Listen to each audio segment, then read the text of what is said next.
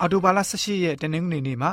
လေ့လာသွားမယ့်ဥပုသ္စာဖြစ်တဲ့ငန်းစာရဲ့ခေါင်းစဉ်ကတော့သခင်ဖျားဤမျက်စံတော်ဖြစ်ပါတယ်။ Oxford တက္ကသိုလ်ကပါမောက္ခတဦးဟာဆိုလို့ရှိရင်ကမ္ဘာပေါ်မှာရှိသမျှအရာအလုံးဟာအစစ်အမှန်တစ်ခုမှမရှိဘူးလို့ theory တရက်ထုတ်ပြန်ခဲ့ပါတယ်။ကျွန်တော်တို့လူသားတွေတောင်စွမ်းအားကြီးမားတဲ့ကွန်ပျူတာတကူနဲ့ဖန်ဆင်းခြင်းခံရတဲ့သတ္တဝါတွေဖြစ်တယ်လို့ယူဆထားပါတယ်။အဲ့ဒီအယူအဆဟာ စိတ်ဝင်စားဖွယ်ဖြစ်ပါတယ်။မိကွန်းမေးစရာပေါ်လာပြန်ပါတယ်။အစစ်အမှန်ဆိုတဲ့သဘောတရားကဘယ်အရာကိုဆိုလိုတာလဲ။ဖြေဆိုဖို့အလွန်မှပင်ကြဲပြန့်တဲ့အဖြေနှစ်မျိုးရှိပါတယ်။စင်စင်ချင်းချင်းစင်ကျင်တုံတရားနဲ့ဖြေဆိုရသည့်တိုင်အောင်အလွန်မှပင်ကြဲပြန့်ပါတယ်။ပထမတစ်ချက်ကတော့စကြဝဠာနဲ့အဲ့ဒီစကြဝဠာအတွင်းမှာပါဝင်တဲ့အရာလူသားတွေအပါဝင်အရာအလုံးဟာဆိုလို့ရှိရင် ဖန်ဆင်းပြီးတော့ဖြစ်လာတာမဟုတ်ဘဲနဲ့ဘယ်ပုံတံကနေစလာတာလည်းမဟုတ်ဘဲနဲ့ရှိနေတဲ့အတိုင်းရှိနေခဲ့တယ်အတွေးအခေါ်အမျှော်မြင်မရှိဘူးဖျားမရှိဘူးတရားမရှိဘူးကိုးကွယ်မှုမရှိဘူးအစစ်အမှန်ဟာ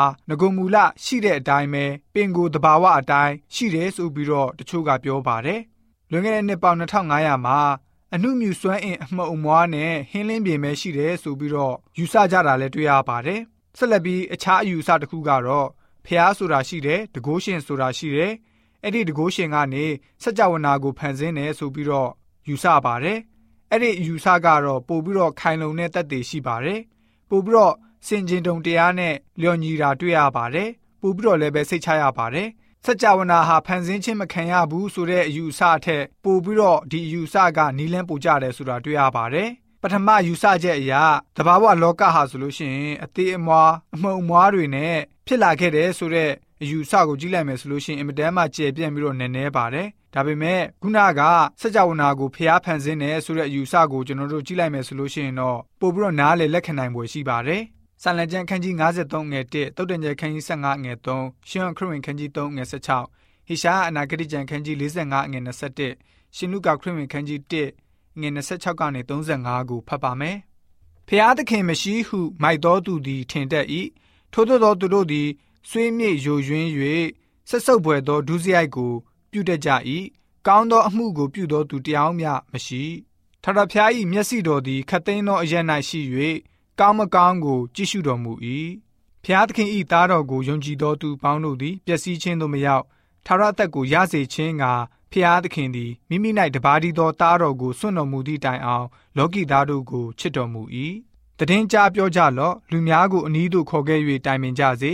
ဤအမှုကိုရှေးကာလမှစ၍အဘယ်သူဖော်ပြသနည်းအထက်ခအဘယ်သူဟောပြောသနည်းငါသာရဖျားဟောပြောသည်မဟုတ်လောငါမှတပါအခြားသောဖျားသခင်မရှိငါသည်ဖြောင့်မတ်သောဖျားကဲတင်သောဖျားဖြစ်၏ငါမှတပါအခြားသောဖျားမရှိ ငါလှလွန်သောအခါဂါလိလဲပြည်နာဇရက်မြို့၌ဒါဝိဒ်အမျိုးသားယောသတ်အမည်ရှိသောလူနှင့်ထိမ်းများဆောင်နှင်း၍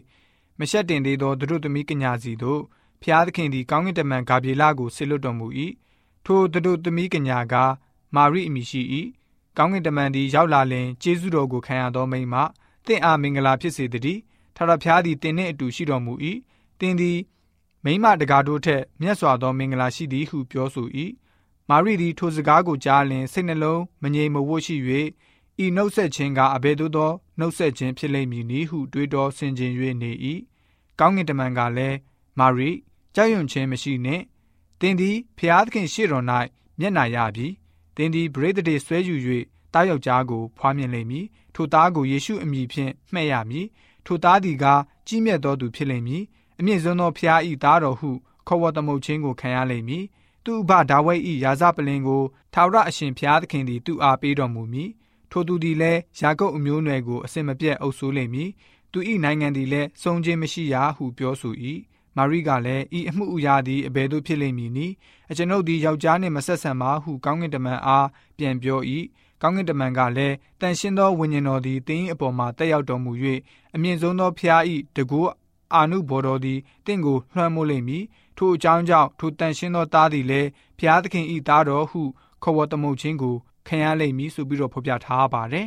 ခရိယန်ပညာရေးစနစ်ဆိုတာကဖះရှင်ရှိတော်မူခြင်းတက်တက်ကိုပဲလေ့လာတာမျိုးမဟုတ်ပါဘူးဖះဟာဘယ်လိုမျိုးသောဖះပြီးတော့ကျွန်တော်တို့ကိုချစ်တော်မူပြီးတော့အတူရှိနေတဲ့အကြောင်းကိုလည်း သိစေတဲ့ပညာရေးစနစ်ပဲဖြစ်ပါတယ်။အံ့ဘွယ်နမိတ်ပြုတော်မူတတ်တဲ့ဖះရှင်ပြီးတော့တဘာဝတရားကိုသုံးတော်လဲပဲတဘာဝရဲ့နောက်ကနေလိုက်တဲ့ဖះရှင်မဟုတ်ပါဘူး။အလိုတော်ရှိတော်မူမယ်ဆိုရင်တဘာဝတရားကိုအပြောင်းလဲပြုတော်မူပါတယ်။ဒယနေ့လောကကြီးမှာဆိုလို့ရှိရင်ပညာရှင်များစွာထွက်ပေါ်လာတဲ့အချိန်ဖြစ်ပြီးတော့သိပ္ပံပညာကိုသာအားကိုးပြီးတော့မှားယွင်းမှုတွေကိုကြွေးကြော်တင်ပြတဲ့ကာလဖြစ်တဲ့အတွက်ကြောင့်ဖះရှင်ရဲ့တဘာဝလွန်တကိုးတော်အကြောင်းကိုသင်ကြားပေးရတာဖြစ်ပါတယ်။သိပ္ပံပညာကိုအားကိုးပြီးတော့ တဘာဝဖြစ်ရဖြစ်စဉ်အယူတီးတဲ့လောကအမြင်ရှုထောင့်ဟာပွင့်ပွင့်လင်းလင်းပဲဖះမရှိတဲ့အယူဝါဒကိုတွင်တင်နေပါတယ်။တဘာဝဖြစ်ရဖြစ်စဉ်အယူတီးတဲ့ဖះမဲ့အယူရဲ့လောကအမြင်ရှုထောင့်ကိုတမန်ကျမ်းစာရဲ့ရှုထောင့်နဲ့လောကတရှိပုံကိုနိုင်ရှင်တဲ့ဖះမဲ့အယူဟာဆိုလို့ရှိရင်အလွန်မှပင်ကျင်းမြောင်းလာပါတယ်။အထက်မှာပြောခဲ့ပြီးတဲ့အတိုင်းပါပဲ